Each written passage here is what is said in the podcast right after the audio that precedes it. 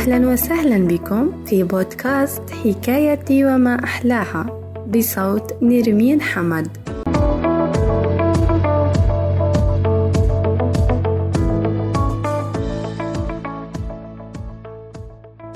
يحكى في قديم الزمان عن عائلة صغيرة من الأرانب تعيش في جحر جميل ولها من الأطفال اثنان أرنب وأرنوبة. وذات يوم قالت الأم لأطفالها إني ذاهبة لأوتيكما بجزرة كبيرة من الحقل الذي يقربنا وصيتي لكما ألا تغادرا المنزل لأنكما صغيران والعالم الذي حولنا كبير. وما إن ابتعدت الأم حتى أسرعا إلى الباب. قال أرنب لأخته أرنب إن أمنا على حق فالعالم كبير ونحن ما زلنا صغيرين. ردت أرنوبة. هذا صحيح ولكن نحن مثل أمنا لنا من الأرجل أربعة وذيل مثل ذيلها. هيا لنخرج لنرى قليلا من هذا العالم.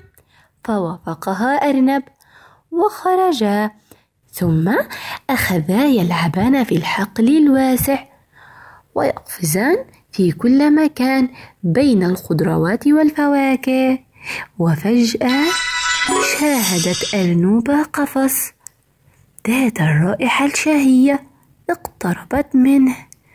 وقالت إنه جزر تعال يا أرنب أسرع إنها فرصة لا تعوض وما إن قفز الإثنان على القفص حتى وقع وتناثر ما بداخله. أرادا الهروب بسرعة ولكن فوجئا بفتاة جميلة قبضت عليهما ورفعتهما من أذنيهما إلى أعلى وقالت لقد أضعت جهد يوم كامل من العمل. وقامت بحبسهما في حديقة منزلها.